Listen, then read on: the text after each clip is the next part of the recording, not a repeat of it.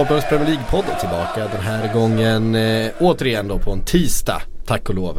Eh, inga sjukdomar eller andra onödiga avbrott den här veckan. Eh, dessutom så är ju det svenska landslaget hemma i Stockholm igen. Eh, vilket innebär att du är med oss igen eh, Frida Fagerlund. Eh, Ja. Du ska på match ikväll gissar jag? Ja det ska jag. Eh, mycket mycket spännande. Det är ju gruppfinal nu eftersom att Sverige vann borta mot Turkiet. Så Mm. att eh, de har allt i egna händer. Så Vi ska, vi ska gå igenom det här lite grann tänkte jag med Nations League. Jag tycker det är ganska spännande. Eh, även det engelska landslaget förstås spännande. Vi ska prata lite VAR och svara på en jäkla massa frågor. Dessutom det här landslagsuppehållet. Så vi eh, sätter väl igång för eh, Kalle du och jag satt ju här i torsdags eh, och pratade precis typ 15 minuter efter vi hade gått ut från, från rummet här så kom beskedet att klubbarna hade röstat igenom VAR. Eh, så att vi eh, fick inte med något eh, sånt snack då förra veckan så vi passar väl på att ta det nu då. Ehm, vi hade ju den här diskussionen inför VM vid flera tillfällen. Ehm, vi var väl lite delade till det då. Frida, hur har din inställning till VAR förändrats de här senaste sex månaderna när vi har eh, sett det på olika håll? Vi hade ju sett det i Italien och vi har haft det i, i Holland ett tag och sådär.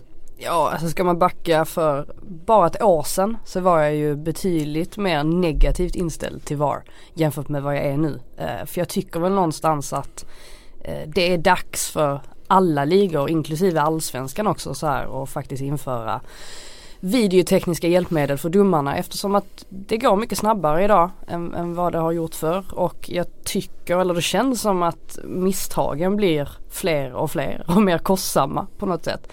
Ehm, och kan man då få bort en del av dem med hjälp av VAR så är väl det alldeles utmärkt. Mm. Kalle, har din inställning till VAR förändrats de här senaste sex månaderna? Alltså Ja den har väl fluktuerat ganska rejält. Jag vet inte riktigt vilken fot jag ska stå på längre. Eh, innan VAR infördes så var jag ju för någon slags eh, videobestraffning.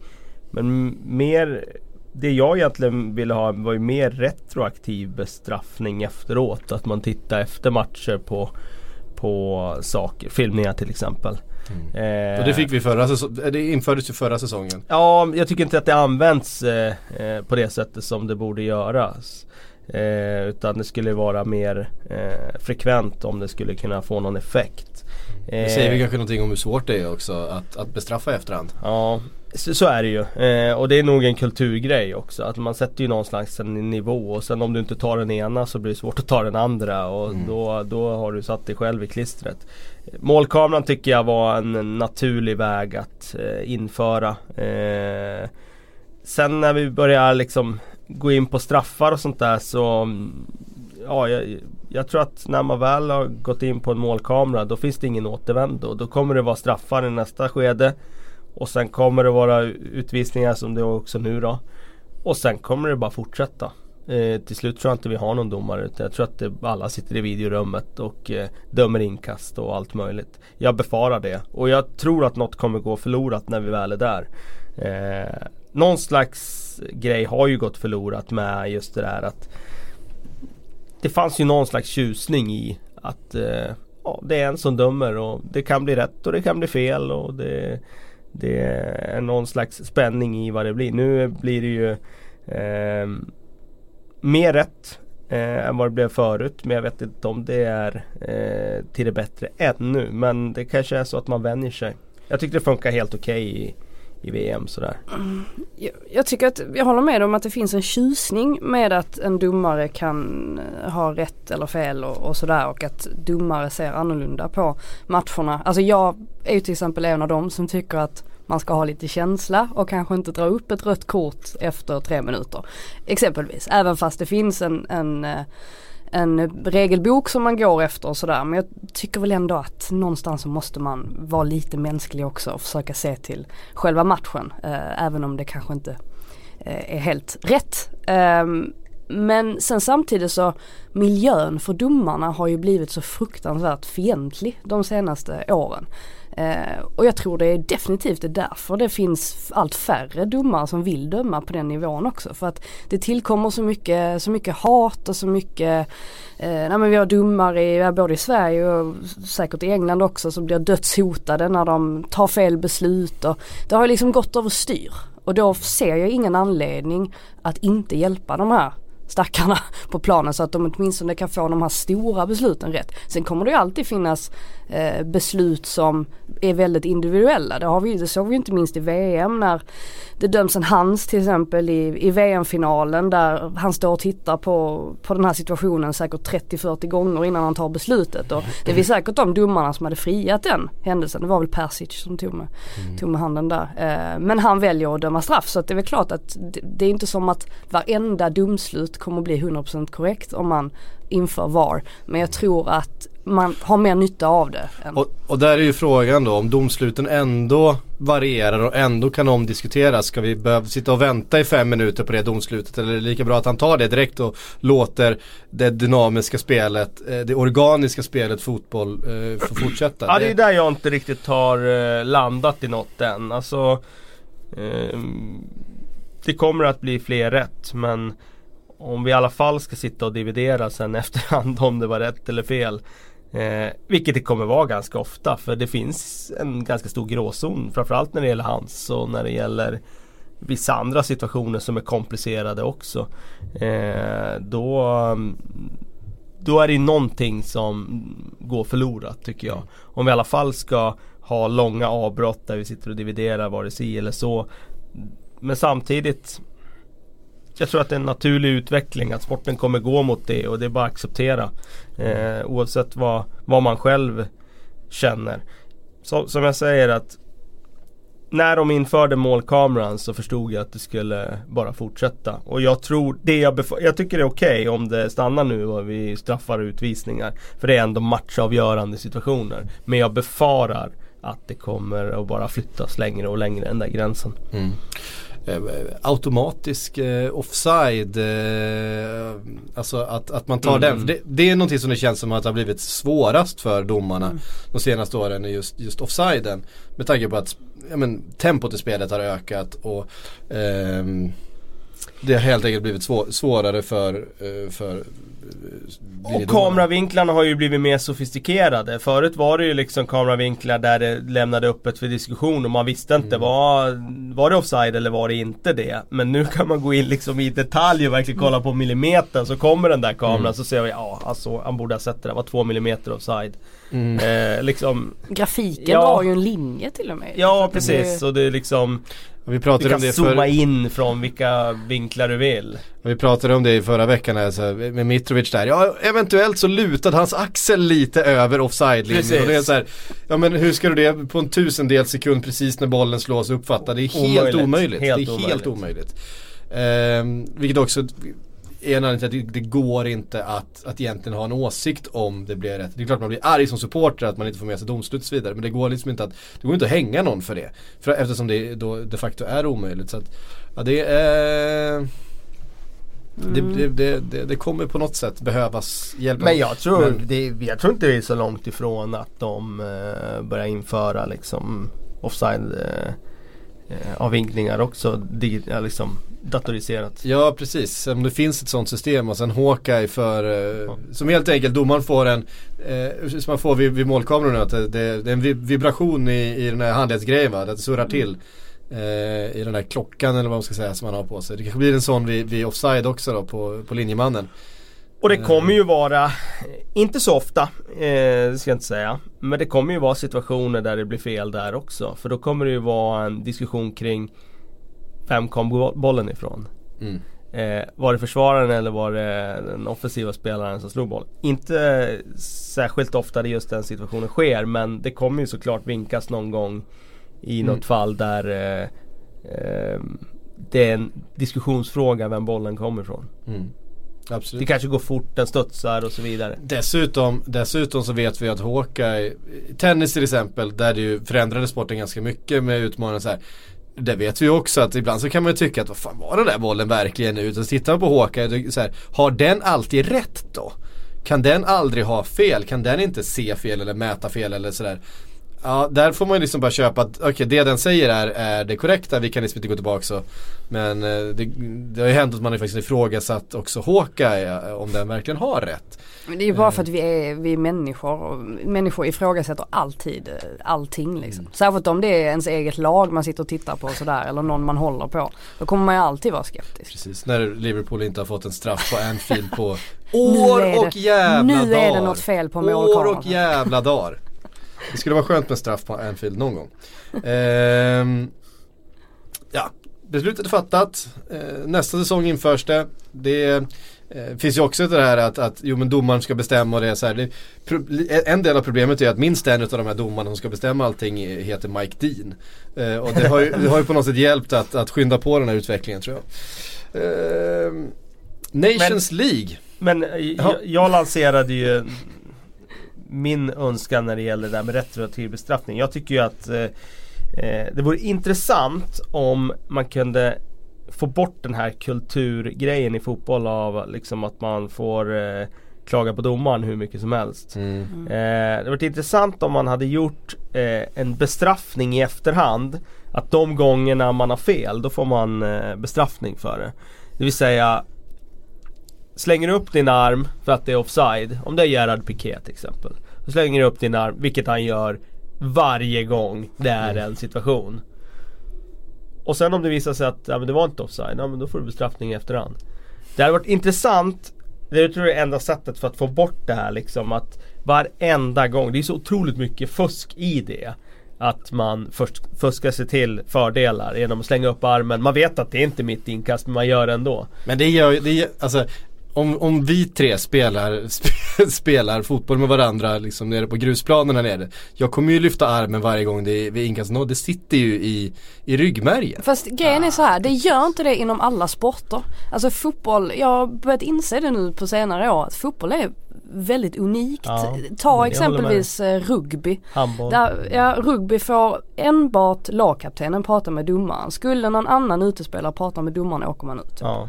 Och jag menar det finns en helt annan, en helt annan inställning till, till sådana grejer i andra sporter. Det känns som att man är nästan lite bortskämd som fotbollsspelare och förväntas fuska och hålla på med tjuvknep. Det finns inte i andra sporter. Nej det är det jag menar, det är en kulturgrej som sitter i sportens ja. liksom oskrivna regler. Vad får du göra, vad får du inte göra? Handboll är ju en diametral motsats när det gäller just fair play och det där. Direkt mm. när domaren blåser, du måste lägga ner bollen direkt. Du får inte liksom peta på den så att den rullar iväg. Då är du direkt ut liksom. Mm. Eh. Sen filmas det en del i, i handboll och sådär också. Nej det alltså, ska jag inte säga om du jämför med fotboll. Inte, nej inte, absolut inte på samma sätt men, men visst händer det. Och jag, menar, i, i, jag menar i hockey, om du filmar som hockeyspelare. Det är inte som att Alltså i fotboll glöms det är inte så att du hyllas liksom utav eh, Nej det gör du verkligen supportrar. inte. Det kommer folk ihåg liksom. Um, mm, nej det, det, det, är speciellt fotboll. Sen tänker man ju också alla de här, i varenda situation i straffområdet när det är, är frispark så, så sker det ju regelöverträdelser i form av fasthållningar, tröjdragningar, eh, efterslängar, eh, felaktiga obstruktioner på olika sätt. Ska alla de nu då från och med nu beivras? Då skulle vi ha straff vid varenda fast situation runt straffområdet. Men vi märkte ju i VM att det blev betydligt fler straffsparkar. Det blev betydligt fler straffsparkar. Och det tror jag också kommer att förändra sättet man försvarar på fasta situationer. För man vet att Big Brother kommer att sitta och titta på en. Och det kommer att göra att man har inte råd att slita i tröjor lika mycket som man gjort tidigare. Bara det där hotet av att nu blir det fler straffar gör ju att man tänker sig för lite extra. Så jag tror att det är en positiv eh, effekt av att mm. bara den där kameran finns. Martin Skertel är glad att han har lämnat nu då för han hade, han hade legat risigt till. Han har sällan sett någon slita så mycket tröjor i eget straffområde. Den enda som inte fick straff under VM det var ju faktiskt Marcus Berg som skulle ha haft den då när Boateng sänkte honom. Ja just det. I övrigt ja. så var det en jäkla massa straffar men han fick ingen. Nej han fick faktiskt ingen för den supertydliga straffen. ja. Uh, ja. Um, Nations League hörni. Din älsklingsturnering, ja, är det så? Alltså den här, den här turneringen har fan i mig Eh, jag, jag, jag var skeptisk precis som alla andra i början. Tyckte det var ett krångligt upplägg. Tyckte landslagsfotboll överhuvudtaget var jävligt eh, tråkigt. Men fan, det, här är ju, det här är ju klockrent. Jag ser ju fram emot de här matcherna. Sitter du, sitter du och tittar på landslagsfotboll till och med, alltså jag satt ju aldrig och tittade på, så att ni normalt sett och tittade på eh, liksom EM-kvalmatcher med andra länder än Sverige. Ja, mer förut innan Nations League. Faktiskt. Ja men liksom så här, för det, det, som, det som alltid var, det var ju att det var, så, men det var Spanien mot typ så här Vitryssland eller eh, det, det var aldrig några bra matcher, det var alltid jävligt avslaget. Helt plötsligt så har vi ju, vi har bra matcher, vi har bra fotboll, vi har ganska eh, snabbt har vi ju liksom avgörande situationer och, och riktiga känslor på planen. Eh, jag tycker det har varit en fantastisk, alltså den här senaste veckan eh, Hollands överkörning utav Frankrike tyckte jag var, var, var otroligt underhållande. Schweiz eh, supermatch mot Belgien, fantastisk eh, match. Eh, igår Tyskland, Holland som fick dramatisk upplösning med, med två mål sen på slutet som gör att Holland nu vinner den gruppen före Tyskland och Frankrike. Och så England då mot Kroatien med två sena mål eh, som tar dem till seger i sin grupp. Det har varit mm. oerhört mycket känslor och bra fotboll och, och... Ja men det är ju kul om du ligger i A-divisionen. Det är inte så jäkla kul om man ligger lite längre ner. Ta, men det är ju därför alla svenska spelare, de påtalar ju det här att de vill ju bara upp till A-divisionen för att mm. de vill möta den typen av motstånd. Mm. Men det gynnar inte förbundet exempelvis att Sverige möter Ryssland och Turkiet nu i Nations League. Alltså vi ser ju, de drar ju knappt något folk dit liksom till arenan. Så att det är inte det är inte guld och gröna skogar för alla. Men absolut, jag håller med om att vi får matcher som är av högsta klass. Men jag tycker, tänker även så här längre ner. Vi ser Finland liksom får en, en sportslig framgång genom att de får faktiskt, de slipper möta, de hamnar inte i en helt omöjlig situation. Det är klart att de, de kommer inte gå upp i A-divisionen. Men de kan fan vinna sin jävla C-divisionsgrupp och få möta lite bättre lag och få i alla fall känna på någonting, känna en, en sportslig framgång som ett finskt landslag som har känt väldigt lite sportslig framgång genom åren. Eh, därför att de alltid har haft två, tre, ibland fyra bättre lag i sin kvalgrupp. Nu möter de två stycken jämnbra lag i en grupp kan avancera därifrån, känna att fan det händer någonting. Det är ju fotbollsfeber i Finland liksom. eh, det är helt otroligt, det var det ju aldrig under de här eh, kvalen. Jag säger som Janne Andersson sa på presskonferensen nu i, i fredags i Turkiet. Han sa Jag gillar Nations League om vi vinner gruppen. Annars ogillar jag det starkt. ja det var faktiskt bra sagt. Ja det är ju exakt så det är. Liksom. Jag har chansen att vinna gruppen ikväll. Seger mot Ryssland va? Ja och det, ja. det, det, det som är grejen, det krävs seger för ryssarna räcker det med oavgjort. Mm. Eh, det är också lite, ja. Alltså, jag kommer ju inte eh, vara rätt målgrupp för ditt marknadsföringsarbete här. För att eh, jag är väldigt svårflörtad eh, överhuvudtaget när det gäller landslagsfotboll. Jag tycker ju landslagsfotbollen är det är intressant när det är VM och EM. Jag har ju mer och mer de senaste åren tappat eh, ganska mycket intresse för landslagsfotbollen. Och då undrar folk, varför gör du det? Ja, för att klubbfotbollen har sprungit ifrån den. Eh, jag tycker inte att det är jag tycker inte det är intressant fotboll. Eh, det finns absolut inget som tilltalar mig taktiskt eh, av att se matcher på, i landslag. Möjligen när du är på v ja, när du är i VM då, då finns det det. När de bästa lagen möts där. Men annars finns det inte det. Eh, och jag tycker inte heller att det finns riktigt någon skäl i i landslagsfotbollen längre på det sättet som det fanns förut. Eh, så att jag, jag har tappat, tappat eh, ganska mycket intresse för landslagsfotboll under kvalcyklerna. Och Nations League har inte förändrat det ännu. Eh, vi får se om det gör det. Men det som har gjort den här förändringen för mig det är ju att de bästa tränarna är inte längre i landslagen. Och det har gjort att eh, landslagsfotbollen har tappat status. Mm. Å andra sidan så kan man ju se det som så också efter vi, efter, eftersom vi får de här stormötena eh, mellan stora mm. nationer som oftast har alltså många av världens bästa spelare så är ju detta i princip enda chansen att se den typen av fotboll utan inblandning av en massa suspekta pengar som det är i klubblagsfotbollen. Så på det sättet så är ju landslagsfotbollen fortfarande relativt ren. Ja och den, och den blir också relevant av den anledningen. För det har jag också tänkt på. Eh, märkte liksom när, när Harry Kane gör 2-1 för England mot Kroatien. Det blir TV-puckshög. Spelarna själva verkar ju eh, verkligen uppskatta den här, eh, det här formatet. Eh, det, är ju, det, är ju, det är ju vilt jubel verkligen. Eh, Ja, och det, jag vet inte om det är formatet de uppskattar eller om det är belöningen i form av att de De vinner och, och, och ja. de vinner i gruppen och ja, det kommer närmare EM Ja, jo, men, alltså, men i, i, EM tar de sig nog till ändå tror jag.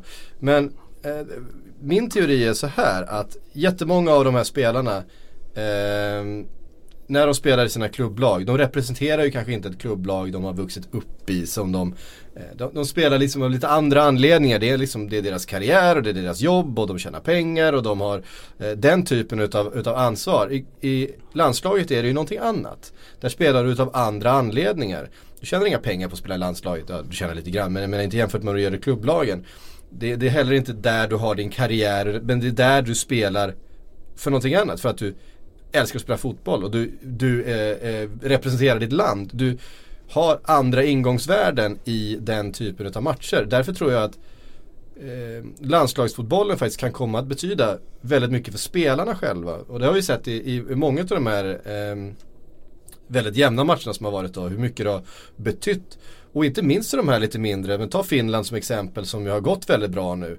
Eller ta Schweiz nu som vann sin grupp, eh, skrällvann och, och, slog Belgien. Det var ju, det var ju liksom helt eh, euforiska scener eh, från schweizarna och från läktarna också.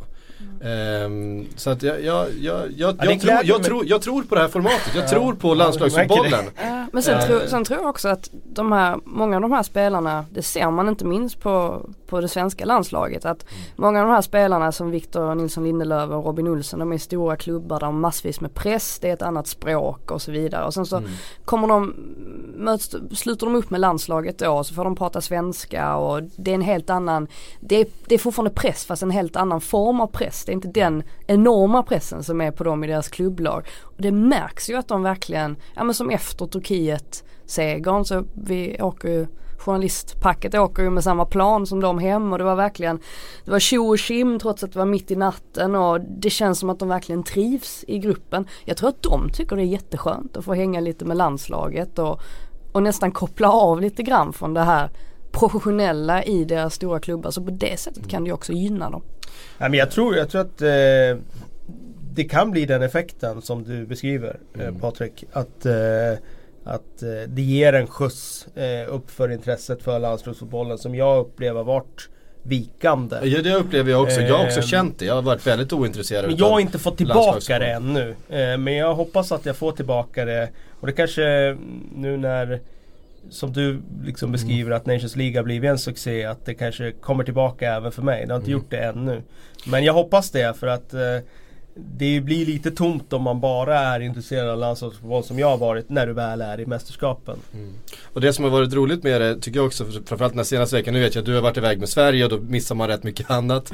Ja, eh, och, och, du har också haft fullt upp, så här, jag har ju suttit hemma och tittat på ganska mycket utav, utav den här fotbollen. Förra landslagsuppehållet, var, då, då, då, började jag känna en viss pepp, så jag var, hade viss pepp när jag kom in men det är det här faktiskt landslagsuppehållet som jag har känt att fan det här är, det här är riktigt kul. Eh, så som åskådare, som supporter. Jag, tyck, jag har tyckt att det varit riktigt kul att följa flera av de här matcherna.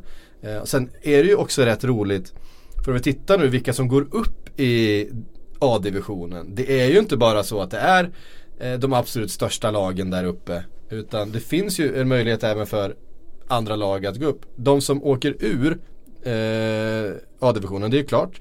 Polen, Tyskland, Island och då VM-finalisten Kroatien åker ur.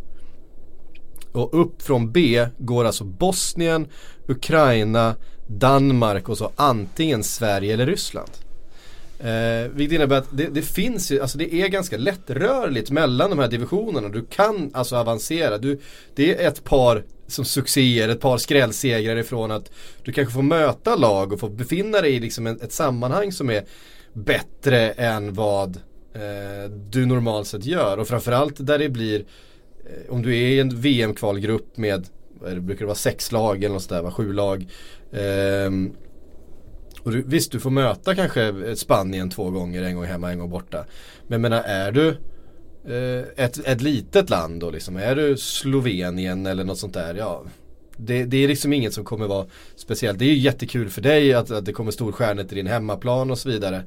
Eh, men det blir ju ett mycket större intresse när du faktiskt får spela om någonting som är en, en rejäl sportslig framgång.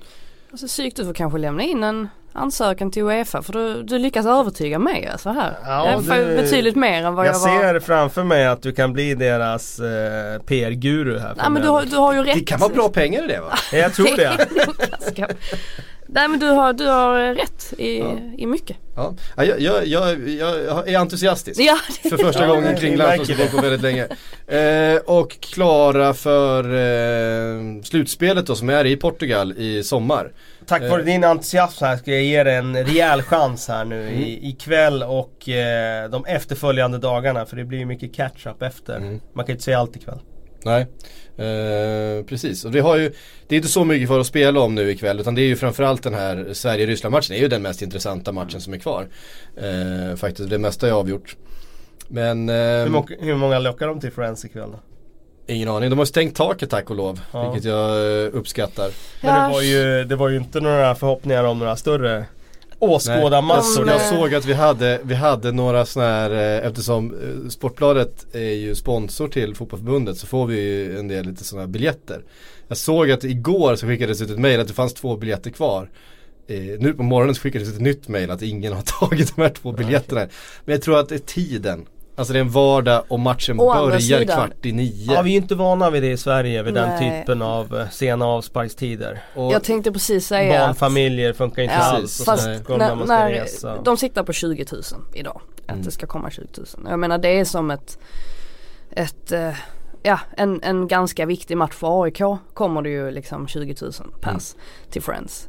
Um, och jag snackade med en del ryska journalister igår som kom fram och frågade liksom varför är det inte slutsålt? Det är ju liksom gruppfinal. Och så försökte jag förklara det här liksom att det, det är sen avsparkstid, det är skola ja. på onsdag. Och de bara tittar på mig som att Va? Va vad snackar du om? vad har det med någonting att göra? Eller det spelar väl ingen roll? Jag tror verkligen att det är så enkelt. Alltså om man tittar på landslagspubliken så är det ju mycket familjer ja, och sådär som går och barn som vill kolla. Mm. Och jag menar avspark kvart i nio och sen Stockholm man ska ta sig hem från Friends. Du är inte hemma så jäkla tidigt då. Men vi har ingen rolig kultur i Sverige alltså. Nej och det, det är ju just, just med tanke på att landslagsspelet har blivit så väldigt eh, Alltså det har ju blivit väldigt, väldigt mycket barnfamiljer och den typen av publik.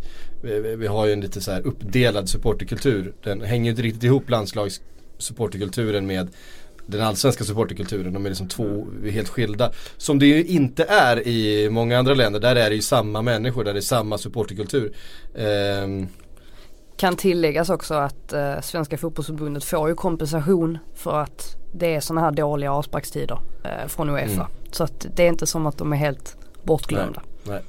nej alltså det hade varit väldigt mycket bättre om vi hade haft lördagsmatchen här på hemmaplan, den som var i, eh, i Istanbul.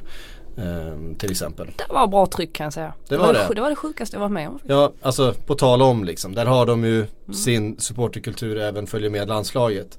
Eh, för vi har ju en, en, en vibrerande supporterkultur mm. i Sverige när det kommer till allsvenska lag. En annan aspekt som Andreas Granqvist också lyfte det var ju att eh, många andra landslag eh, eller länder flyttar ju matcherna till olika städer. Som när mm. Sverige mötte Ryssland på bortaplan så var det ju i Kaliningrad till exempel. Eh, vi kan ju inte göra det i Sverige för vi har ju inte så många arenor som håller för eh, Europaspel på det sättet. Eh, så att det är ju också någonting negativt att alltid är matcher i Stockholm. Hade man mm. kunnat haft möjlighet att spela i Malmö så som det var förr någon mm. gång. Eh, I något EM-kval eller vad det var. Ja Göteborg var det ju ofta. Göteborg. hade vi ofta matcher. Ullevi var det ju ofta förut. Eh, Då tror jag kanske att man hade kunnat dra lite fler folk. Ja. Helt klart. Eh, mm, England som sagt vidare som ett av de här fyra lagen till semifinal. Det är England, eh, hemmanationen som det blir då, det är ju Portugal som ska arrangera det här slutspelet. Så det är ju inte, var ju inte säkert, man är inte, out, man är inte direkt kvalificerad bara för att man arrangerar faktiskt. Eh, men de lyckades ta sig dit ändå. De spelar ikväll också va? De har en match kvar men de är redan klara tror jag, gruppsegrare där. Portugal och så ändå Holland och Schweiz. Ja. Eh, semifinaler, final och sen match. Så att det blir en, en 1-4 rangordning där. Sen är det väl så att ettan och tvåan är direkt kvalificerade för EM. Någonting. Jag vet inte sen hur, hur, hur det hur stor roll det spelar. Jag menar, det här är lag som kommer kvalificera sig för, för EM ändå. Tänker jag. Eh, men det påverkar ju också sen sidning till grupper i EM och sådär tror jag. Så att jag tror det skulle vara väldigt gynnsamt för Sverige om vi gick upp i A-divisionen. Mm. Eh, å andra sidan så har ju Tyskland åkt ner i B då så då kan vi säkert få dem i alla fall. Eh, Det, det var en grej med, med England som jag skrattade lite åt och det var för jag kollade på något, ja men något sånt där i efterhand från, från matchen och så sa de att ja och sen bytte man in Jesse Lingard, en av de äldsta i laget. Ja, och jag bara Jesse Lingard och jag är alltså lika gamla. Fyller nästan år, ja, vi har några veckor ifrån varandra. han är en av de äldsta i och laget. då är han alltså en av de äldsta i laget. Det är ju Delf som sticker ut givetvis. Det. Som Mm. är lite äldre. Ashley i övrigt- Young var han med nu på den här samlingen. Ah, han Eh, spelade inte i alla fall. nej. Eh, det var ju Chilwell som har spelat till sig. Precis, och Chilwell har varit väldigt, väldigt bra. Um, var bra i den här matchen också. Det, här, eh, det engelska landslaget är oerhört spännande nu för att men vi har ju sett de senaste åren hur deras, de engelska ungdomslandslagen har liksom utklassat allt motstånd, vunnit varenda turnering i stort sett. Eh, och nu börjar det här också ge effekt i A-laget. De hade ett bra VM såklart. Eh, och de möter eh, ett eh, Kroatien förstås, ett, ett eh, VM-finalist Kroatien. Och egentligen fullständigt spelar ut dem i första halvlek. Eh, skapar oerhört mycket chanser. Sterling borde gjort mål, Harry Kane borde verkligen gjort minst ett mål i första. Men det står ändå 0-0. Kroatien är som de är. Eh, gör ett, eh, ett mål men sista minuterna så kliver han fram då, Harry Kane. Dels då skapar han ju det första målet, eh, kvitteringen genom Eh, vem är det som slår? Det är Lingard. Det är Lingard som slår in den men den bollen är ju nästan så att den hade rullat in själv om han inte hade slagit in den. Gamlingarna kliver fram. 25-åringarna. Ja precis och sen Harry Kane får en tå på den sista där in på övertiden och så, så vinner de gruppen till slut då eh, dramatiskt och det är ju det är rejäla jubelscener och, och Låter ju lite grann som matchen mot Spanien. Att de, det här att de gör en sensationellt bra första halvlek men att de Ja. dippar liksom i andra. Det måste de ju komma ifrån lite. Nu är starkt ändå att vinna ju Mm. i slutändan. Men det är ju någonting man måste jobba på. Att man måste kunna hålla den kont- alltså, kontinuerligt under hela Mm. matchen. De hade ju en träningsmatch där emellan också. De blandas ju upp lite grann de här matcherna med träningsmatcher. Eh, mot, mot USA där eh, Jadon Sancho fick starta va? Eh, och stod för en, en framspelning bland annat. Och det, det är en del spännande namn de har på gång i England. Jadon Sancho kanske är den allra. Say hello to a new era of mental health care. Cerebral is here to help you achieve your mental wellness goals with professional therapy and medication management support. 100% online. You'll experience the all new Cerebral Way, an innovative approach to mental wellness designed around you. You'll get a personalized treatment plan from a therapist, prescriber, or both in a safe and judgment free space. Your cerebral therapist or prescriber will outline a customized plan with clear milestones along the way so you can get to feeling your best. With Cerebral, you're not alone in your mental health journey. We're here to empower you to live a fulfilling life. So take that first step towards a brighter future and sign up today at cerebral.com slash podcast and use code ACAST to get 15% off your first month. Offer only valid on monthly plans. Other exclusions may apply. Offer ends July 31st, 2024. See site for details. Mest intressanta eh, engelska spelaren, ja en, av- en av de mest intressanta spelarna i hela Europa får man väl säga efter den Han var ju grym hösten han i har haft i, i Dortmund. Der Klassiker. Eh, Mm. vad intressant det var att se honom sno åt sig bollen från Ribéry på egen planhalva och sätta igång ett sånt där dunderanfall som Dortmund verkligen kan göra. Herregud vilken speed eh, i hela det laget men inklusive Jadon Sancho då. Vilken utveckling han har fått. Det är ju 18 år gammal alltså. Det blir intressant att se med tanke på den utvecklingen han har fått om, om det sätter någon slags eh, eh, ribba för engelska unga spelare. Om det är fler som kommer ta den här vägen ut i andra länder. Mm. För eh, med tanke på att han nu så här fort har etablerat sig och slagit sig in i en landslagstrupp och etablerat sig som eh, ja, ett, ja, förmodligen topp fem mest spännande namnen i, i fotbollsvärlden just nu. Mm. så borde ju rimligen andra unga spelare i England se att eh, det här var en ganska bra väg att ta. Och vi finns ju fler exempel. Ademola Lokman lånades ut ett halvår till eh, Bundesliga också va? Ja precis, Eh, han var väl i. Leipzig. Eh, och gjorde det jätte, jättebra där. Var det inte Leipzig? Eh, jag tror det. Eh, och du har ju Ries, eh, heter han? Ries Nelson Nelson. i precis, Hoffenheim. I Hoffenheim. Eh, som ju också, han har inte gjort någon Jadon Sanchez-succé kanske men han har gjort en del Ja poäng. men han, eh, han har gjort det jäkligt bra. Mm. Eh, de sa ju det, eller jag kollade faktiskt på ett, på ett reportage om de båda som BBC hade gjort. Eh, där de, de är ju jättenära vänner, Sancho Mm. och eh, Nelson. Och just det här att de pushar varandra. Mm. Eh, om Sancho gör poäng i en match så känner Reese att då måste han också göra poäng Mm. i, nästa match. Det betyder säkert också mycket att de är i samma situation. Liksom. Man måste ju, om man är Phil Foden till exempel som ju var också en nära vän med, med eh, Jadon Sancho, de var ju tillsammans i Manchester City. Ehm, och Phil Foden på något sätt var ju Ja men de var ju på samma nivå, det var ju de två, de två spelarna som, som akademin verkligen trodde mest på. En valde lämna, en valde att stanna. Phil Foden har ju visserligen fått lite speltid och han har fått chanser och han är ju en del utav A-laget där. Ehm, men han måste ju också snegla lite grann på vad, vad, vad Jadon Sancho har fått för möjligheter i, i Dortmund. Eh, och inse att det där centrala mittfältet i Manchester City är ganska svårt att ta plats på. Det kommer kanske inte bli super mycket chanser även om han stannar ett eller två år till. Det kommer nog fortsätta vara ganska sparsamt med tid och det pratas ju om eh, en del, igen då, tyskt intresse för just Phil Foden. Jag tror det skulle vara ett jättebra steg för honom med tanke på hur, att det är så stängt som, som du säger.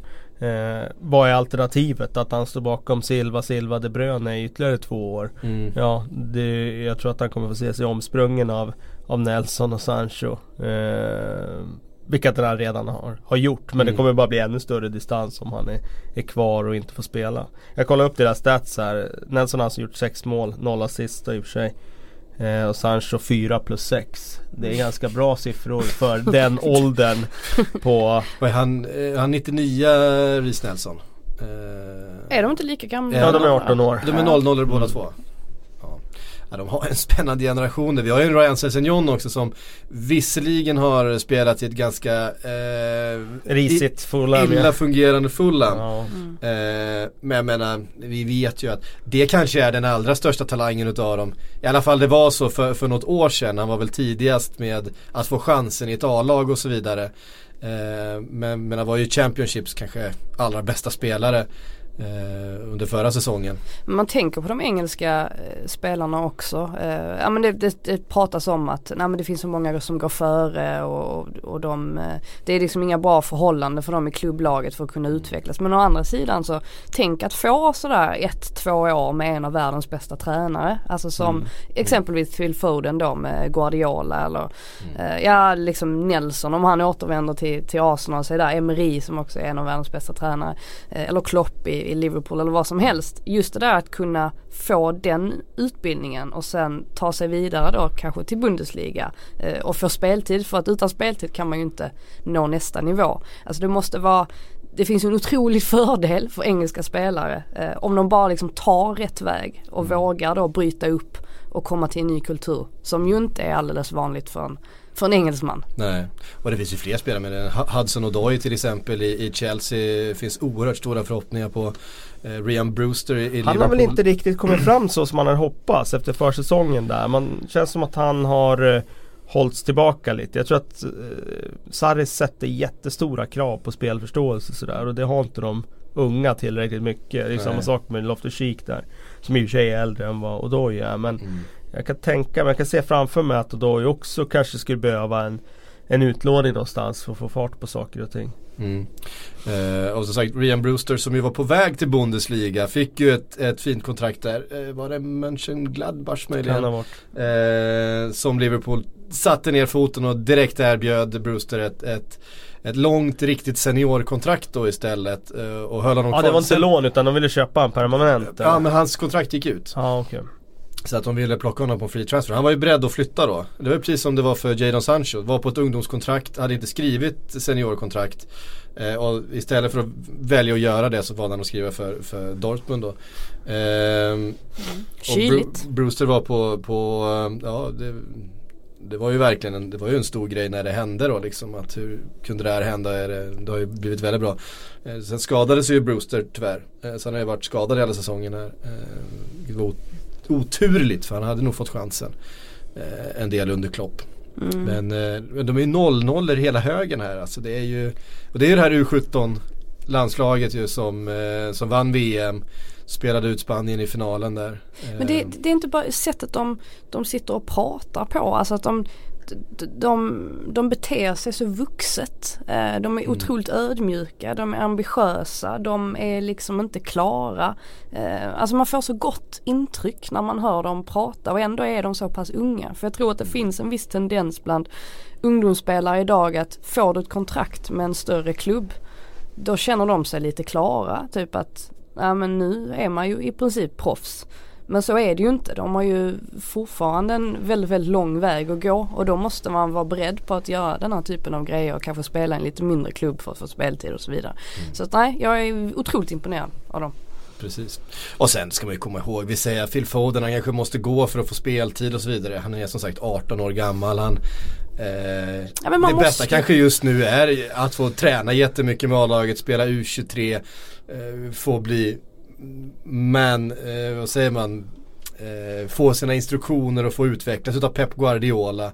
För hans del i den rollen kanske det är det absolut bästa att göra. Det är svårt att säga. Nej det tror men, jag inte. Men det är klart förr eller senare så behöver han ju få speltid. Men menar, han är ju 18 år, de flesta i hans ålder spelar fortfarande juniorlagsfotboll och har ingen chans att spela A-lagsfotboll överhuvudtaget. Eh, så det är, ju, det är ganska tidigt ändå för att, att liksom ställa det kravet att man måste spela A-lagsfotboll varje vecka. Fast det säger ju varenda ungdomstränare man pratar med säger just det där att träna på hög nivå kan du göra precis vad som helst. Du måste få speltid. Mm. Alltså får du inte spela riktiga matcher, A-lagsmatcher, då kommer du aldrig ta nästa, nästa steg. Mm. Um, så att nej jag tror att han ska gå. Mm. Om han inte får en ordinarie plats i startelvan, det kommer han inte få. Nej det blir svårt tror jag. Mm. Samtidigt när han kommer in så, så han, han kan ju det där spelet också. Han kan ju spela på den där nivån redan. Alltså Problemet är att det räcker ju inte med att han är jäkligt bra. Utan han måste ju vara världsklass. För just nu ja. har han ju två av ligans absolut bästa spelare framför sig. Plus att det kommer en till som är skadad. Ja precis. Dessutom har du Gündogan där och Fernandinho som liksom eh, Ja det, det är ju det är ju kanske världens bästa mittfält just nu och det, det är klart att som, som 18-åring eh, Men det det, det, är spännande. Men ska vi måla ut England här som eh, världsmästare om åtta år? Eller? Om fyra. Fyra redan? I Qatar. Ja. De tar det redan då? Ehm. De kommer definitivt vara med där. Anspel jag tror att de kommer ses som en av favoriterna. Ja. Mm. De har ju redan nu visat att eh, säga, om fyra år, vad har vi då? En Harry Kane som är någonstans 29, 29 va? Ja. Han borde vara i sitt absolut bästa då kan man tänka. Han är ju lite late bloomer. Eh, Sterling är ju hyfsat bra ålder på fortfarande. Sterling i den åldern. Vi har en målvakt i Jordan Pickford som Stones, också kommer vara bra ålder. Eh, hela det här gänget plus att vi kommer ha nya, en, en Jadon Sanchez som vid det tillfället då är 23 år gammal och Um, Milner har för, tyvärr blivit för gammal. Det är Milner, det som är problemet. Faktiskt... Och Maguire kan också vara politerad. Det är inte bra. Milner har ju då redan tackat nej till landslaget å andra sidan. Men Maguire han är, är väl, han är väl 92 va? Är han 92? Är inte han lika? Är han 92? Jag vet inte, jag har bara fått för mig det men det kanske är fel. Eh, det ja, kan ändå vara. Du säger det så Kyle Walker, vad är han då? 89? Ja det är han väl va? Ja han är gammal. Så att han kanske är borta då, men då är Trent Alexander-Arnold på, på högerbacken istället. Eh, 97 Det känns ju helt okej okay, om man säger så. Ja, och han är ju han är ju såklart, han är ju 25 då om fyra år. Walker är 90 Han är 90 ja. Ja det är klart att om fyra år Harry så... är 93 93 till och med. Ja, försöker ni få ja, honom nej, att verka gammal? Ju, då är han ju kung i backlinjen ja. om 100 kilo väger han också. Hodor. 0,1 ton alltså. 0,1 ton. ja. Eh, han är stor. Han är stor. Ja, på alla sätt och vis. Men det finns en annan faktor som kanske kommer att spela in på det här också då. För nu i veckan så ska ministerrådet är det va? I eh, Bryssel rösta om Theresa Mays förslag till Brexit. Och hur det kommer påverka den engelska fotbollen de närmaste åren och de engelska talangerna och eh, inflyttandet och utflyttandet utav eh, utländska spelare. Eh, har vi koll på vad som, eh, vad som är sagt kring Brexit och fotbollen? Och vi, jag, känner, jag känner några undantag komma så här, flygande lite i luften här. Jag, jag känner att det, FA sitter i en rätt bra förhandlingssituation. Ja men Premier League sitter ju också i en ganska, de sitter ju alltid i en bra förhandlingsposition. Det är de två intresseorganisationerna här som jobbar kanske från lite olika håll här. Mm. FA kommer ju såklart se till vad som är bäst för landslaget och Premier League kommer givetvis som alltid se till vad som är bäst för klubbarna. Jag skulle gissa att Premier League som har den ställningen de har i Storbritannien eh, kommer att eh, anordna någon slags undantag. Eh, och vad det undantaget sen mynnar ut i, det får vi se. Men det har ju alltså förslag från Premier League har ju varit att det till och med ska luckras upp ännu mer. Så att det ska bli lättare att få arbetstillstånd även om du inte är från EU. De har ju redan ganska tuffa arbetstillståndskrav i England. Du ska ju vara en framstående spelare om du inte är EU-spelare för att få arbetstillstånd. Du måste, det, vara, land, du måste vara, spela ditt landslag. Det var, ja, det är ju lite flyttande det där men ja, eh, i princip så måste du göra det. Eh, sen eh, det är ju övergångar varje år som spricker för att spelaren inte får ett arbetstillstånd. Och, eh, ja, min känsla, det är bara magkänsla, det är att Premier League kommer vara så pass starka att de kommer att eh, hävda att vi kommer tappa för mycket internationellt om vi inte får fortsätta plocka in talang från alla världens hörn. Och det skulle drabba den brittiska ekonomin mer än vad det drabbar dem om de skulle släppa fram några Eh, ja, fler egenfostrade spelare. Eh, givetvis skulle det vara bra för engelsk fotboll att sätta ett tak. Men eh, jag har eh, känslan av att Premier League kommer att få sin vilja igenom. Som de nästan alltid får. Och det kommer innebära att Brexit kommer inte påverka så mycket som eh, de här skrämselrubrikerna antyder. Mm. Hela, hela Brexit-förhandlingen nu är ju eh, oerhört spännande för att det är ju det är ingen som, som, som är nöjd. Eh, de, de som är Brexit-förespråkarna är inte alls nöjda med dealen som de har tagit fram här. Eh, och sen kan EU bara säga nej. De kan bara säga nej. Det här går vi inte med på. De, mm. de, sitter, de sitter ju med alla S i, i rockärmen. Och den 29 mars är det va? Så ska enligt eh, folkomröstningen och beslutet som fattades i parlamentet då Brexit vara genomfört och det ser ju inte speciellt bra ut. Eh, risken är att det blir en så kallad no deal Brexit och då hamnar de i en situation där, där Premier League inte kan förhandla utan eh, Premier League då i sin tur måste förhandla själva med olika europeiska länder och med EU. Och det blir också väldigt speciellt, eh, en speciell situation och då kan ju bli att vi under en period får problem att arbetsrättsligt helt enkelt blir eh, problem i England. Vi får se. Mm. Vad som händer. Jag är långt ifrån expert men det... Det blir intressant nu när Susanna Dinage som kommer in i den här vd-stolen här. Mm. Hon kastas ju rakt in i hetluften för det här blir ju en ja, avgörande fråga såklart för Premier League framöver. Ja, det var intressant förresten, jag noterade att eh, hennes bakgrund och vad, vad det är de prioriterar i, i eh, den här rollen. Hon har ju alltså jobbat med TV i hela sitt liv. Animal Planet va? Bland annat. Hon har varit på an, haft andra hög, högt uppsatta TV-jobb också. Men det är ju det, det, det hon kan i TV-branschen. TV. TV. det är det de det är de prioriterar. Ja. De har inte plockat in någon som kan fotboll i första hand. De har plockat in någon som kan TV i första hand. Men det är ju så det funkar och det är där de stora pengarna finns. Så att det vore väl konstigt om de prioriterar eh, fotbollskunskap i en roll som egentligen handlar om att maximera Premier Leagues intäkter. Mm. Ja, de plockar inte in Pulis i alla fall. Nej, ja. kanske andra som gör det. ja. Du var lite inne på att Chelsea skulle göra det, eller vad, vad sa du? ja, jag sa fel. Jag sa fel, jag läste upp lite grann. Eh, precis, det var Du menar ju, Pulisic? Jag menade Pulisic. Eh, Sebastian, Sebastian Persson var ju här, eh, våran eh, eh, marknads... Vad är han? Jag vet någonting. Ma- marknads... Eh, Marknads filur. Eh, stor, stor, stor Chelsea-supporter. Han skrev eh, till mig på Twitter där. Han undrar Pulisic till Chelsea, kan vi svara på hans fråga? Dortmund har ju gått ut och sagt att mm, Pulisic inte ska någonstans i, i, eh, i januari. Så att eh, vi kan väl hänvisa till de uppgifterna bara helt enkelt. Mm. Ja det drar väl igång snart på riktigt den här silly eh, Mm. karusellen. Det ser vi fram emot. Japp. Eh, och med det då så tar vi lite frågor, vi får till massa detta eh, landslagsuppehåll. Eh, Oliver Kym vill att vi ska snacka lite arenor. Vilka bör man inte missa och vilka håller inte samma klass?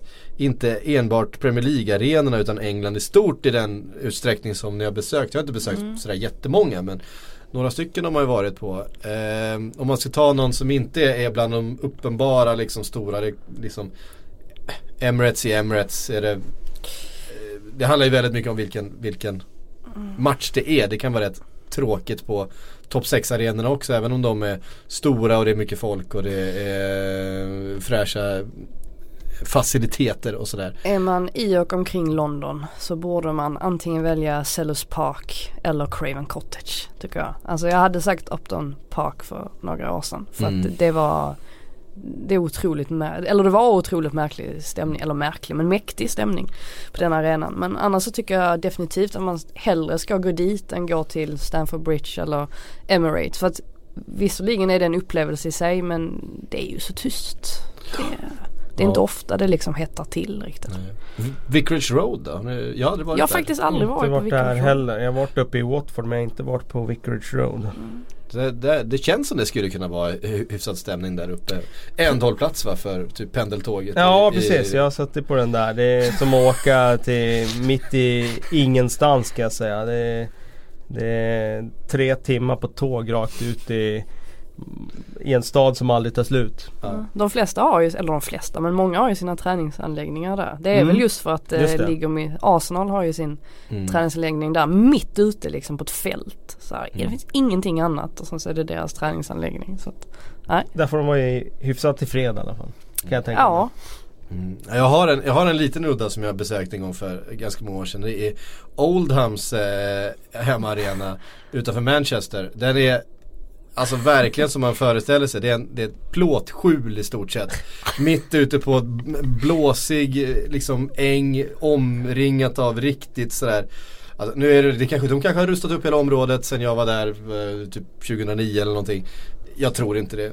Nergånget, det är riktigt sån nordengelsk arbetarklass, det är industrier.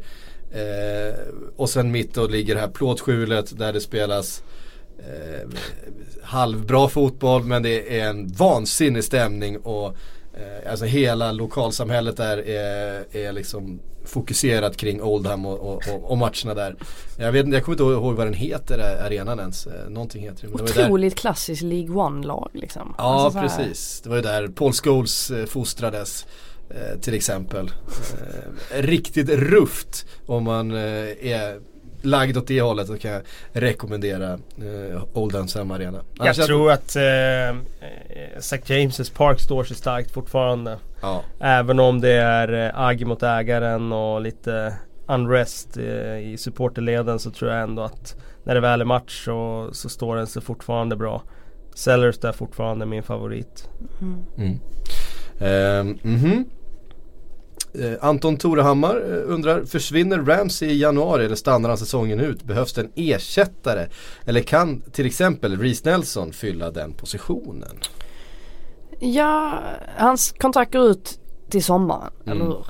Så ska de få några cash för honom så måste de ju nästan släppa honom i januari och han har ju inte fått spela jättemycket så att det känns ju som att det är högst troligt att han faktiskt försvinner då. Mm. Och jag menar med tanke på Reece Nelsons utveckling så De kan ju det hem honom i januari om de vill. ja, så vore ju inte det helt orimligt egentligen att det blir så.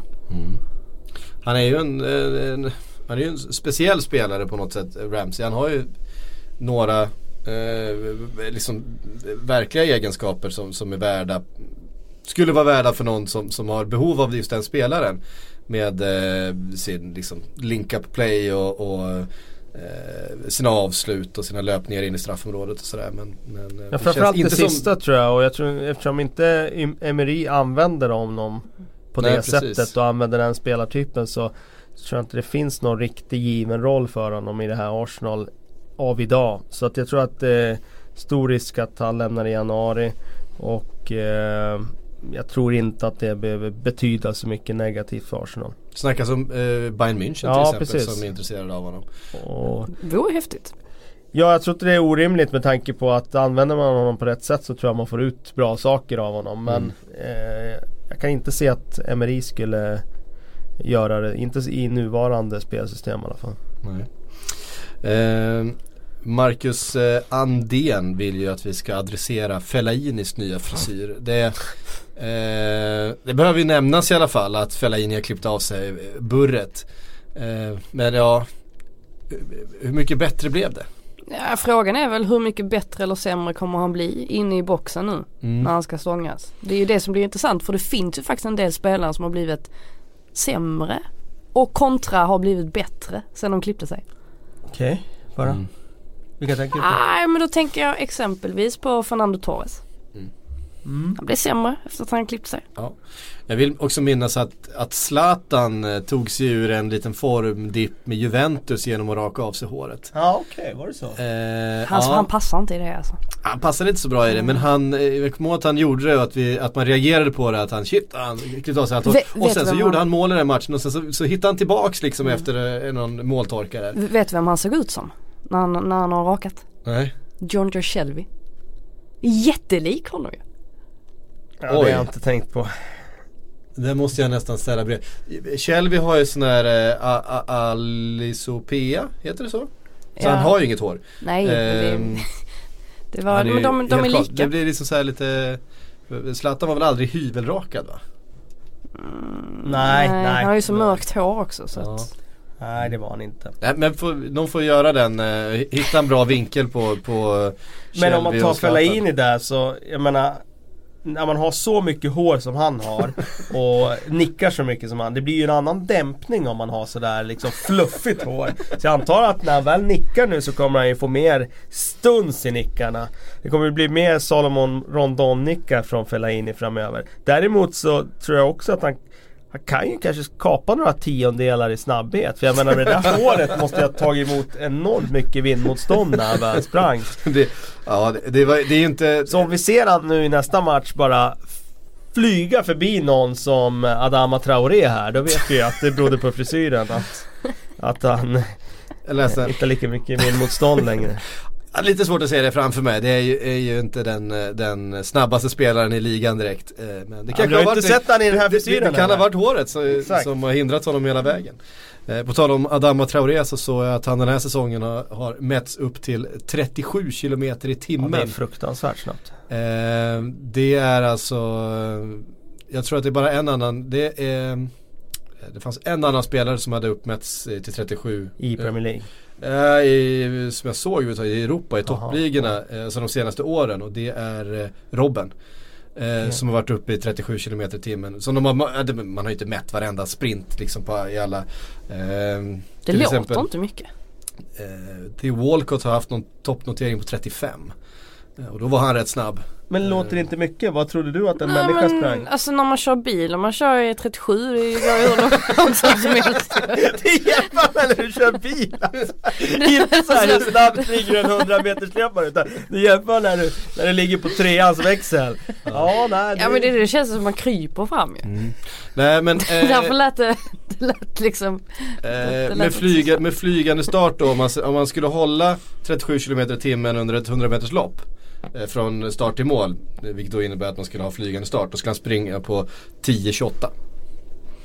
Eh, ah, okay. Vilket är ju väldigt snabbt. Alltså det är ju, men då är det med flygande start då. Men det är ju ändå vansinnigt snabbt.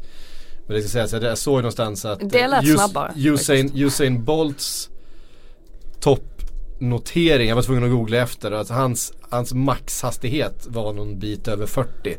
Så att det var så 42-43 km i timmen. Så det är en bit kvar till, till eh, såklart upp till friidrottarna.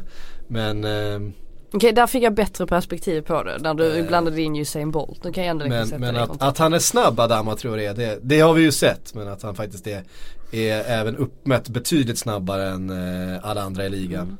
Fram tills Fellaini nu klippte av sig håret. Ja exakt, vi får väl se vad som händer nu. Eh, mhm, Det var en liten avstickare om eh, en av som jag tycker då ligans eh, största profiler, Adama Traoré. Han har ganska snabbt seglat upp på din eh, favoritlista Ja, ju- tillsammans. han- Han, sprungit om Shelby. Eh, nej, men han har ju alltid funnits med där. Jag tycker att det, det är ju, alltså även när han, när han ehm, Var i Aston Villa där eller? sprang runt i Aston Villa i början, han precis kom, kom från Barcelona va? Mm. Eh, till Aston Villa. Så såg man ju att han hade den här eh, den här vansinniga statistiken han hade någon säsong när han hade snittat så här, sju lyckade dribblingar per match. Men han var ändå sämst på plan i varenda match. Ja, ja, och- Trots och- sju lyckade Ja, dribblingar. och Eden Hazard var så här, tvåa på listan med så här, 3,4 lyckade dribblingar per match. Eh, Och man är så här, vad, vad är det här för statistik? Och så tittar man på honom att han kunde, ju- han kunde stå och dribbla ner halvlek och- utan att åstadkomma någonting. Så då, då blir man ju fascinerad. Ehm, men, men framförallt så har han ju så snabbhet. Det är den han använder för att dribbla också. Det är ju inte så att han gör några fantastiska tekniska nummer. Han petar ju bollen och springer. Du och jag är ju lika på ett sätt eh, Syk. Det är att vi, vi har väldigt lätt att bli, att falla för den enskilda spelaren. Mm, så är det ju. Eh, Det är ju det som är så roligt med, eh, med fotboll. Att det finns så mycket karaktärer. Ja, ni är ju lättköpta, jag är lite mer, Precis. Du är svårare. ja det tar lång tid. Faktiskt. Om det inte är Arnautovic av någon konstig anledning. Eller Harry. Eller, eller Harry Maguire. Eh, är också obegripligt. Men eh, Daniel Ovejsikia Hoppas jag, nej, det uttalade jag ju fel, det hörde jag ju men ja, så blev det. Han vill att vi ska snacka mer om Ryan Sessignon. Har han levt upp till säsongens förväntningar eh, och vilket lag kommer snappa upp honom? Eh, jag Nej det har han ju inte gjort. Det är ganska enkelt. Eh, han är ju han kom ju in i den här säsongen som en av de mest spännande spelarna. Eh, mest hypade. Sen hade man väl räknat med att Fulham skulle gå betydligt bättre än vad de har gjort. Det är klart han har lidit av att de har tagit fem poäng på 12 matcher hittills. Eh, icke fungerande lag. Jag tror med tränarbytet nu så kanske man hittar ett sätt att få ut mer av honom. Eh, och för honom tror jag att det kan bli eh, det lyftet som, som han behöver nu. Eh, samtidigt, han är ung fortfarande. Eh, man får räkna med att det är upp och ner. Eh, det finns fortfarande jättemycket potential i honom. Skulle Fulham göra sånt dunderfiasko så att de åker ur nu så är det självklart att någon klubb kommer plocka honom. Och vem som gör det är lite svårt att säga men jag kan se någonstans runt mitten i tabellen att man är intresserad. Everton, Leicester, eh, jag kan, jag, West Ham kanske. Jag kan helt ärligt se alla topp 6-klubbarna också. Med tanke på att han är 18 år gammal, att han är engelsman och att han är, ändå har visat upp sån stor potential. Så tror jag att eh, de flesta klubbarna skulle vara beredda att, eh, om inte pengarna är för stora, eh, chansa på en sån här. De skulle kunna köpa och låna ut också. Mm, absolut. Mm, han var nere på ytterbackspositionen nu senast var också. Det är ju Ja, det var ju där han slog igenom som 16-åring. Eh, först var det ju som vänsterback och sen under förra säsongen flyttades han upp i en mer offensiv position. Och Ja, det blir ju inte lika- väldigt mycket eh, poäng. Frågan har väl varit då om eh, han är tillräckligt eh, liksom stark och, och eh, defensivt liksom skicklig för att klara av en ytterbacksposition i Premier League. För det är väl många Under så Ranieri dessutom som spelar ganska cyniskt och defensivt. Eh. Kommer förmodligen göra i alla fall med Fulham nu för att staga upp dem. Ja och det var det som man tänkte att ja, men de går upp i Premier League, han kommer säkert flyttas ner till vänsterbacken igen för att det inte ska vara så mycket offensivt ansvar på honom. Det var ändå där han slog igenom men då har det ändå blivit så att Jokanovic känt att han har inte vågat spela, tror jag, Ryan Sessignon i den positionen. Utan han har fått vara kvar högre upp i banan. Eh, och det har ju som sagt inte varit ett fungerande lag heller så det har inte varit så, svår, så lätt för någon att prestera. Han Nej. eh, det är väl kollektiv kollaps eh, för det gänget. Vi har en, en Seri och en Schürrle och en eh, Harry Arthur som också har underpresterat. Anguissa är jättebesviken på. Jag hade stora Mm. förhoppningar på honom. Men det är samma sak där. Ny tränare som kanske använder honom på ett annat sätt. Jag tror att det är flera som kommer att kunna få ett lyft här nu. Det säger jag också med en förhoppning. För jag är också förtjust i Craven Cottage. Jag är förtjust i Fulham. Och eh, jag ser gärna att de blir kvar. Simon eh, undrar, Sveriges landslag, fan det är landslagsfeber nu, känner ni det? Ja, herregud, det kokar. Nations League-feber. Mm. Vilka spelare i eh, vilka Premier League-klubbar hade passat där respektive inte hade gjort bort sig? Eh, nu ska Alltså se. vilka spelare i, i Sverige? Eller vad? Eh, jag tror att han menar Han vill vill- placera svenska spelare i Premier League. Placera svenska eh, spelare i Premier League och vilka positioner, vilka klubbar hade de funkat i med sina Alltså Viktor Claesson är definitivt tillräckligt bra tycker jag för att kunna spela i Premier League. Vilken klubb ska han till? Ja. Det beror lite på hur man vill använda honom. Nu senast fick han ju spela anfallare. mm. Eh, vilket han, han brukar ju spela i en, i en fronttrio i Krasnodar. Mm. Eh, nu var det ju Höger. tvåmanna eh, anfall. Ja jag antar det, han är ju högerfotad. Man kan ju spela till vänster också. Han brukar vikariera för Emil Forsberg på eh, vänster eh, mittfältspositionen. Ehm, så att han är ju ganska flexibel på det sättet. Så att jag tror att det är många klubbar som hade kunnat få användning för honom. Vilken exakt alltså det är... Nej det men hade Southampton behövt lite liksom. mer Ja, eh, de hade väl behövt det mesta Ja. men Ja, eh, jag tänker säga som Newcastle till exempel. Alltså, nog hade han kunnat gått in och gjort nytta där. Ja, Mm. tror jag. Vem är det de har? Eh, Ja men de har ju Kennedy på en kant. Precis, det är han till vänster ju, eh, vad heter det, Richie. Ja precis, Matt Ritchie är det Ja. som han ska konkurrera med då till Men det kommer alltid vara bra spelare man konkurrerar Ja, med i. Premier League. Så det är ju ingenstans där man bara kan Jag ser kliva absolut in att han, kan, att, han, att han skulle kunna konkurrera med Matt Ritchie Ja, ja, i, i Newcastle idag. Absolut. Mm. Eh, Matt Ritchie som inte tycker jag är lika bra som han var en gång i, i Bournemouth. Eh, Nej, faktiskt. det är han inte. Sen med facit i hand så är det ju det här svenska laget eller särskilt startelvan mot Turkiet. Det är ju ganska många spelare som de är bra i det här laget men Mm. de går nödvändigtvis inte in i ett Premier League-lag. Däremot Mattias Svanberg till exempel på bänken. Där har vi en spännande spelare. Som fortfarande är ung. Mm. Han får spela väldigt mycket i Bologna. Såldes liksom för 50 miljoner kronor. Då, då är man inte dålig liksom. Mm. Antingen. Ja, Var vill du som, placera honom? Fulham. Mm, han är ju också en sån där, han kan ju spela både centralt och ute, alltså som ytter. Ja men varför inte Mm. ändå? Absolut. Burnley skulle kanske behöva lite. Nej, Jag tror. Huddersfield och Cardiff skulle ju behöva en hel Ja, del. Så verkligen. där skulle det säkert vara det enklaste sättet att bara komma in och spela ordentligt. Mm. Ehm, Ludde då? Ludde är ju en spelare vi har stora förhoppningar på som vi man ser en, en, en, eh, en karriär i de st- större ligorna eh, för. Ja absolut. Han är ju lite mer defensivt lagd också. Det Mm. hade säkert uppskattats i eh, vissa PL-klubbar. Alltså då tänker jag på dem lite under, alltså Som undre typ halvan. Ja faktiskt. Någon som är stark. Därför att han var ju väldigt, visst han släppte, sig, släppte förbi Ynder några gånger där i första halvlek. Han men i övrigt så stod han ju upp. Under å andra sidan. Han är rätt bra ja. Mm. Eh, men eh, sen kom han fram betydligt mer offensivt än man har sett honom tidigare i den andra halvleken. Så att eh, nej han har, ju, han har ju fortfarande en del att lära där. Mm. Mar- Martin Olsson med fri roll. Kändes som han var överallt ett tag i, i lördags. Martin Olsson är ju Mm. bra. Eh, det är oftast han som men som nu när han spelade till vänster på mittfältet. Det är oftast han som ligger bakom när Sverige faktiskt kommer fram. Men jag kan förstå varför Janne Andersson tvivlar lite på honom ibland för att han är ju faktiskt, han lämnar rätt mycket ytor bakom sig. Om man spelar som vänsterback till exempel. Där är ju Ludde betydligt mer eh, skärpt defensivt. Och det är väl därför också Ludde går före Martin Olsson i landslaget. Även fast jag gillar Martin väldigt, väldigt mycket som spelare. Och trots hundratals matcher på, högt, eh, på hög nivå liksom eh, i England så alltså, han fortfarande tycker jag har problem med sista bollen. Martin Olsson tycker att hans, hans inläggsspel är för dåligt. Eh, ofta trots, trots att han har brakat fram på den där vänsterkanten så många gånger eh, under åren och, och eh, måste jag säga. Ja, han är frejdig. Jag gillar Han är frejdiga spelare. Frejdig är han verkligen. Han, han bidrar med, med tempo. Eh, bombar upp och ner. Robin Karlsson undrar, eh, kan Southgate få en topp 6-klubb när han lämnar landslaget? Eh, skulle han göra ett bra jobb i United till exempel?